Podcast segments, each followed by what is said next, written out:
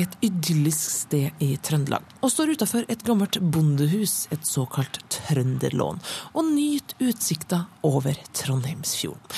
Fuglene synger og vinden suser med, men det er da vitterlig noe som bryter freden og roen her? Om det var rolig trøndelagsvår utenfor, så er det full Texas innendørs. Jeg er nemlig på TV-settet til et av Norges mange interiørprogram.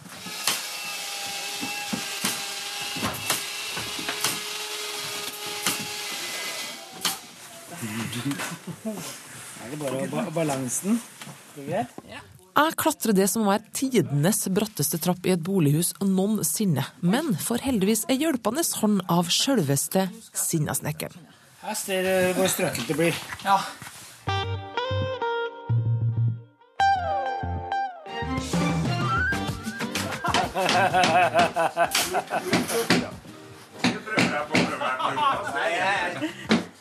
Jeg ser at du var borti taket, ja.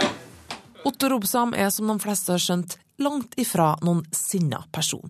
I alle fall ikke når kameraene er slått av. Sjøl må han prøve så godt han kan å manne seg opp på TV-en. Dette her, det går ikke. Sinnasnekkeren ser du på TV Norge Og det er langt ifra det eneste norske interiørprogrammet vi har sett på TV-skjermene de siste årene. Jeg syns det blir for mørkt, jeg. De gjør Norges styggeste rom til Norges fineste.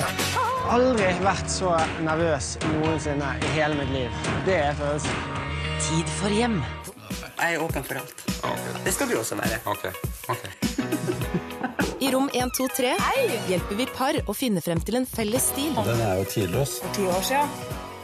Og det hele starta i 2000 med Hilde Hummelvold og NRKs Forandring fryder.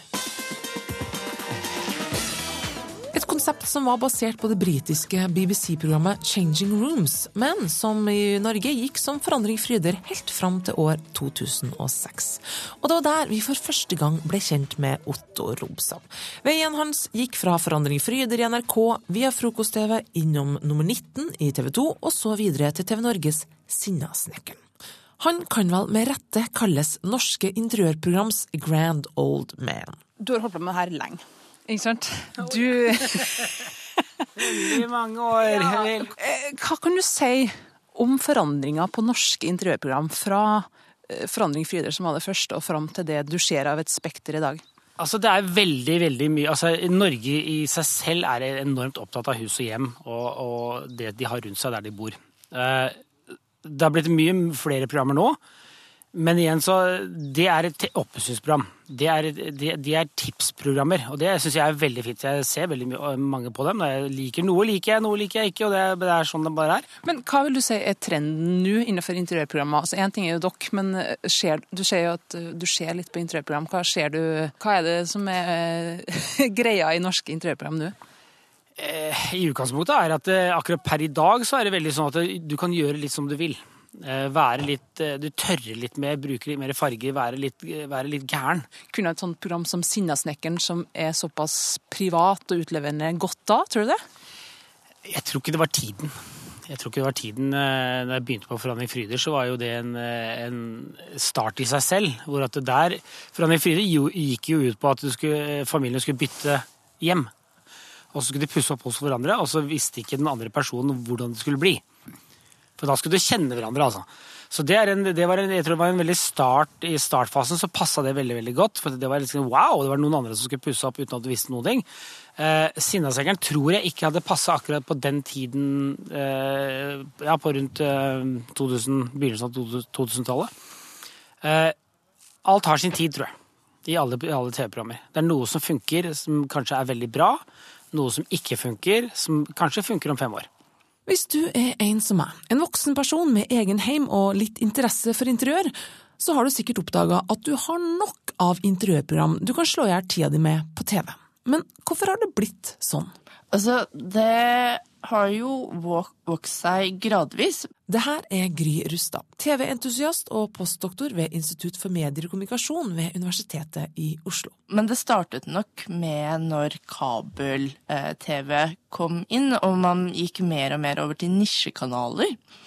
Eh, og det ser man jo nå også. Grunnen til at det er så mange av disse programmene ser man jo på hovedsakelig nisjekanalene. Altså det er jo en del av eksempler av de på de store kanalene også, men eh, hvis man ser på f.eks. programguiden til Fem og disse såkalte kvinnekanalene, så ser man jo at veldig mye av programflaten er fylt opp av disse interiørprogrammene. Eh, så det jeg tror har skjedd, er rett og slett fordi det er flere eh, kanaler eh, som man har tilbud om TV-innhold på, og det, markedet går mer og mer mot et nisjemarked, så ser man at man også trenger å skape mer og mer innhold, og en av disse innholdskategoriene er jo da interiørprogrammer. Og Rustad mener det er nok av grunner til at nordmenn er ekstra interessert i denne type program. For det første så er jo nordmenn har jo en del penger. Eh, de, har, eh, de er veldig mye hjemme. Så de bruker jo også veldig mye mer tid i hjemmene sine, og bruker også mer penger eh, på hjemmene sine. Samtidig så ser man jo også rent internasjonalt at man får logger og nettsteder som f.eks. Pinterest.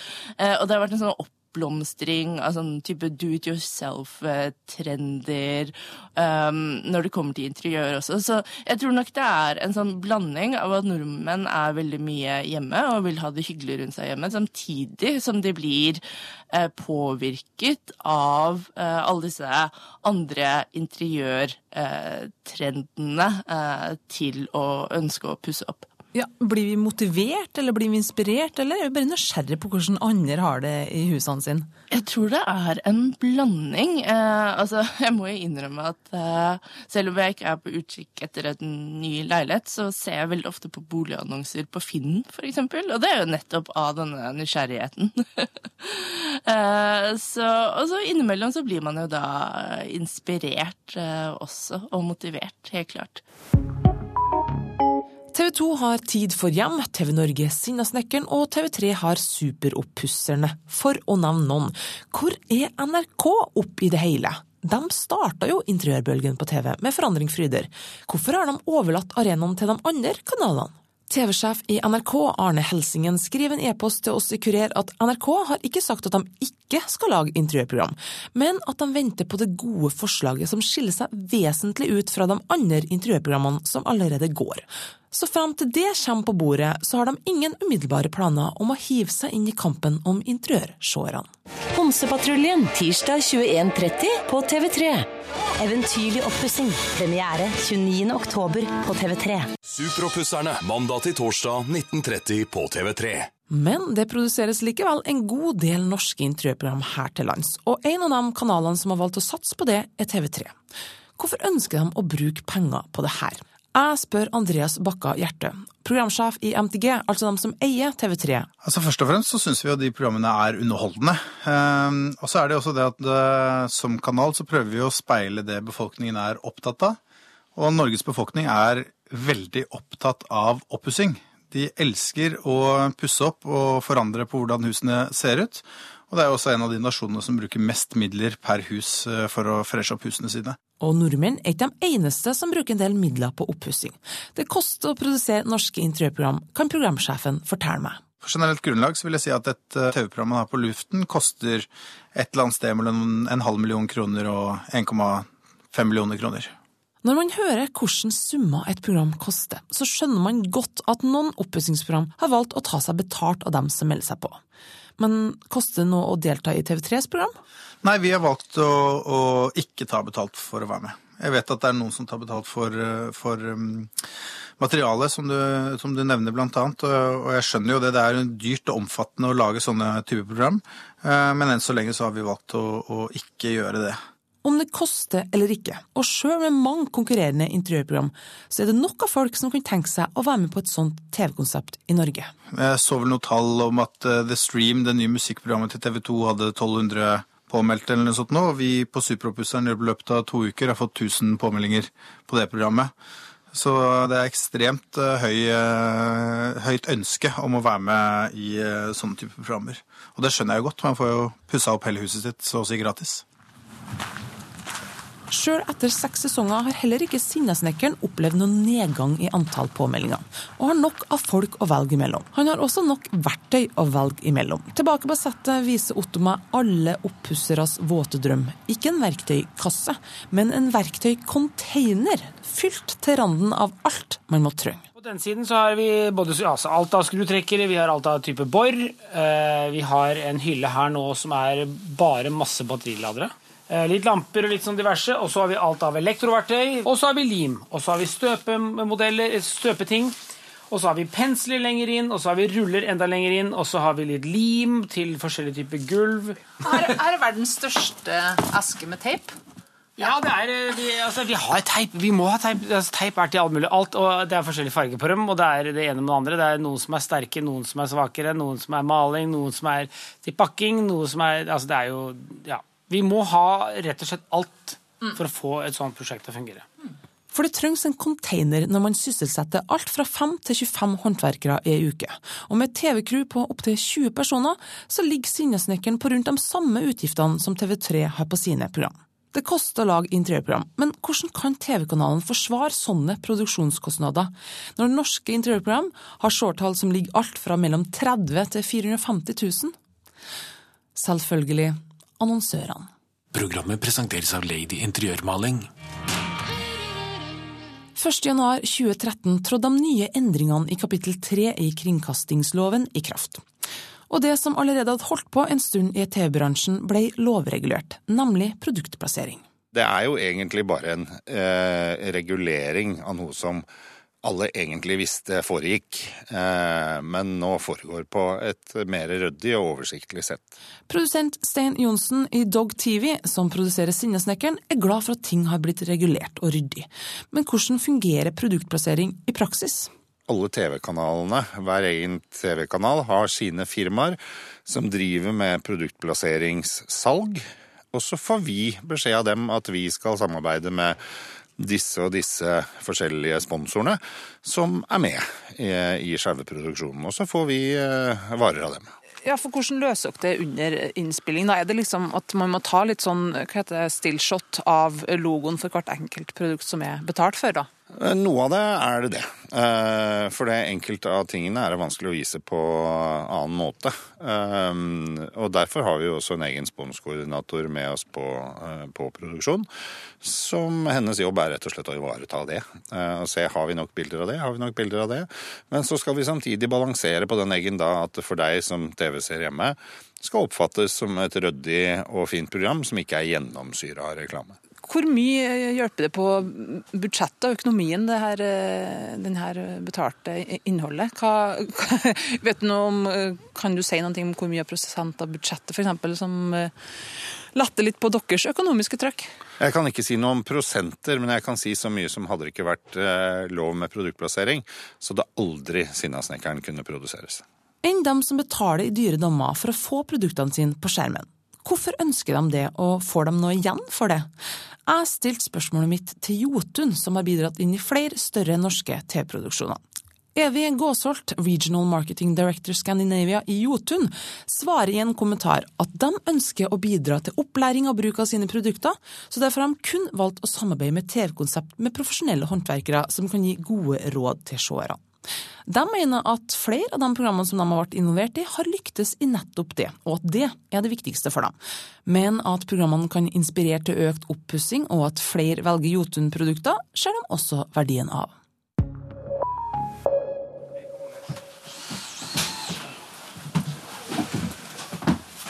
Det avlange Trønderlånet har mange rom, og i virvaret av håndverkere og TV-crew så finner jeg, helt innerst i et av de mange rommene, husets eiere, Katrine Gjelstad og Olav Ristad. Hvorfor ønska de å melde seg på et intervjuprogram? Eh, Vi trengte vel litt spark i ræva for å komme i gang. Sto litt fast. Vil du si deg enig i det? Hva var motivasjonen?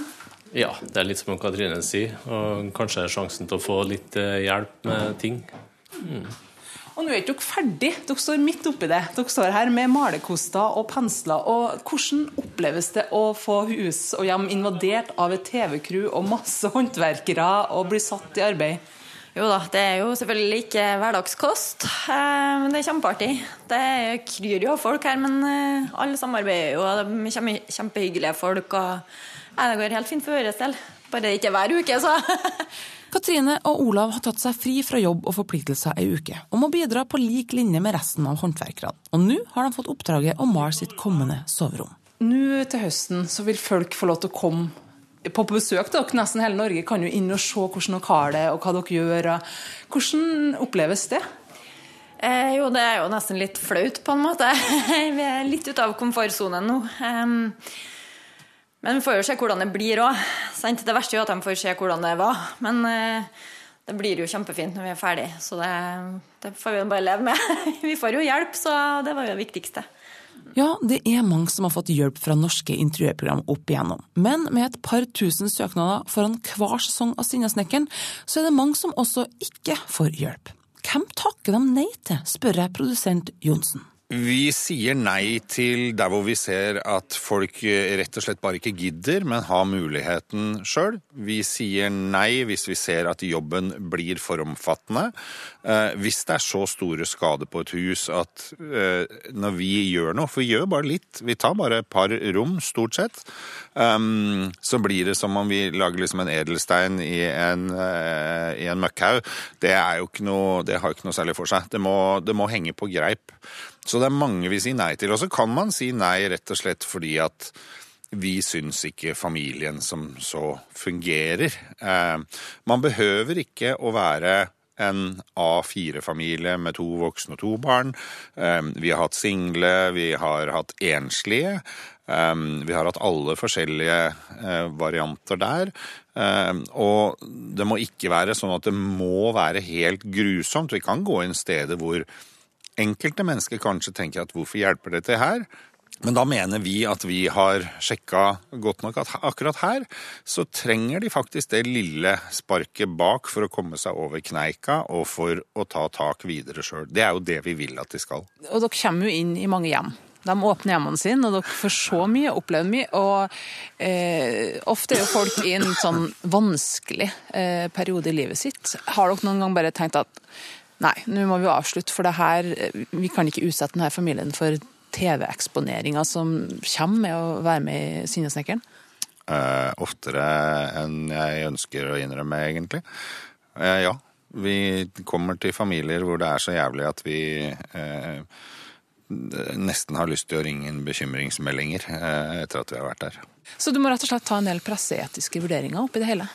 Jeg har jobba i media i 25 år, og det var vel noe av det første jeg lærte meg. En del mennesker må beskyttes mot seg sjøl, og det får man etter hvert god trening på. Så sier man uh, hyggelig å møte deg, men uh, nei takk, tror ikke vi kan hjelpe. Men til syvende og sist er det ikke produsent Stein, men Otto som bestemmer om han vil hjelpe en familie eller ikke. Men han sier jo alltid ja på TV. Sier han noen gang nei? Det er mange som sier at ja, men du sier jo alltid ja når du kommer til et sted. Ja, det er jeg enig i. Det, det, det seeren ser, er at de menneskene jeg har sagt ja til. Eh, det er mange som vi ikke har blitt altså, hjulpet fordi at det er langt over, da. Altså det har gått langt over grensa. De må, de, de, jeg kan ikke vise f.eks. et eh, voksent par frem på TV. Som igjen gjør at det kommer til å gå utover ungene når de går i barnehagen eller går på skole. eller hva som helst. Så alle de casene jeg tar, er en er familier som jeg føler kan takle det. Og hvis du lurer på hvorfor Sinnasnekkeren som oftest drar til Østlandet og hjelper folk, så har det sin helt naturlige forklaring, ifølge Otto. Og det er rett og slett at det er flere søkere i Østland og Vest, Østlandet og Vestlandet som er enn det er Nord-Norge. Ja. Det er mindre mennesker, ergo så er det mindre søkere, som igjen gjør at det, de søknadene vi tar inn, jo, de må jo på en måte passe inn i malen. Som igjen gjør at kanskje vi skal gå og ta en titt.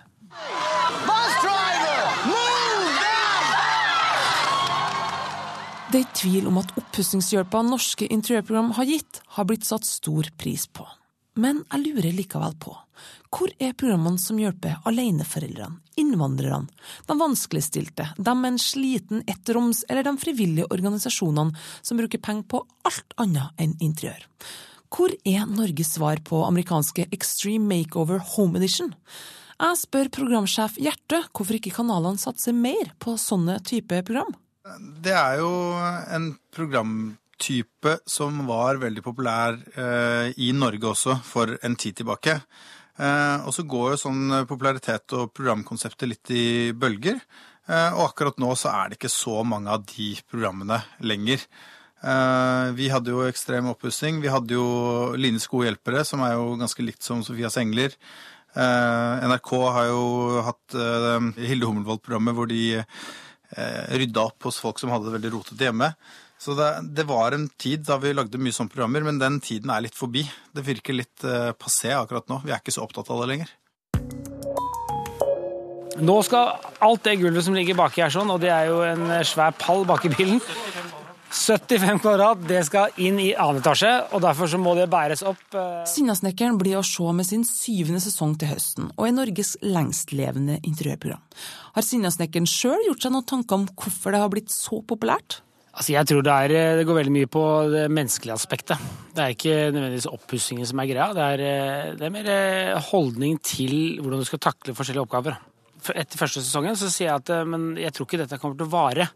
Jeg tror ikke vi kommer til å lage mange episoder av dette her, fordi når folk ser at du kan få det tipset eller det tipset, så trenger de ikke mer. Da kan de bare få orden på livet sitt. Men så gikk det noen gikk det en, ja, fem-seks episoder til, og så begynte jeg å tenke på at ja, men det er jo ikke huset sin feil. Det er jo de folka som bor der, som er feilen. Så hvis jeg kan gå inn og gi dem en guide, sånn at de får et bedre liv, så begynner ting å falle på plass. Og det er det som har skjedd gjennom da Nå tror jeg vi er oppe i 115 eller 116 episoder. Og det ser ikke ut som det stopper på lang tid, for det er eh, flere og flere søkere. Og jeg tror at programmet rett og slett går mot Eller folk tenker, føler at de også er, kan være i samme situasjon som veldig mange av de som er med i programmet. Mm. Blir du lei av jobben? Altså Jeg må innrømme at innimellom så blir det jo en, eh, en greie hvor jeg eh, jeg må ta meg sammen litt for å, for å gå inn og, og, ha motivasjon nok til å prate med den og den personen. Eh, men så minner jeg meg selv om eh, rett og slett at eh, det er ingen andre som gjør sånne ting. Det er ingen andre som går inn og jager en voksen person til å oppføre seg ordentlig. Og det syns jeg er, det er da, da, blir det på en måte Ja, men da får jeg, jeg må bare fortsette, da, for det er så mange som egentlig trenger en lille ekstra. Produsent Stein Johnsen har lang erfaring fra mediebransjen, men tør han å spå framtida for norske interiørprogram på TV? Oh. Jeg, Norge er nok et av de aller beste stedene for å kunne gjøre dette, eh, fordi vi er så opptatt av det. Så jeg tror det er et stort rom for det videre, men på hvilke plattformer og i hvilke former det er vanskelig å si. For det er, eh, det er ingen som veit hvilken vei det går. Det eneste vi veit, er at det, det, er i endring, og det vil fortsette å endre seg. Og medieviter og TV-entusiast Gry Rustad tror også på en lysende framtid for interiørprogrammene. Jeg tror de kommer til å leve godt fremdeles, og lenge.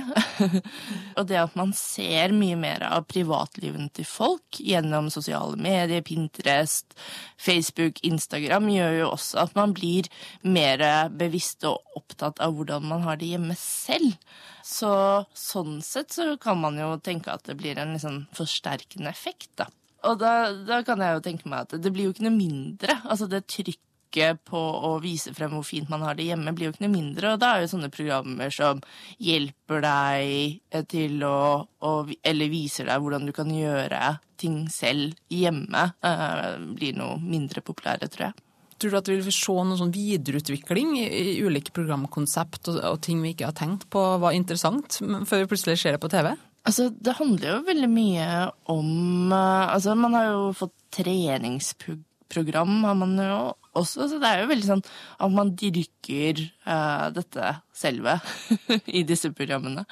Og, men man dyrker jo også en slags sånn idé eller en fantasi. Altså selv om man ser på disse programmene, så er det ikke sånn at folk går ut og gjør akkurat det de ser på alle programmene. Da tror jeg man hadde sett ekstremt mange uh, schizofrene hus der ute. Uh, så man plukker jo og velger jo litt ut. Så det er jo også noe med denne fantasien om hvordan man kan ha det, da, uten at man nødvendigvis gjør noe med det.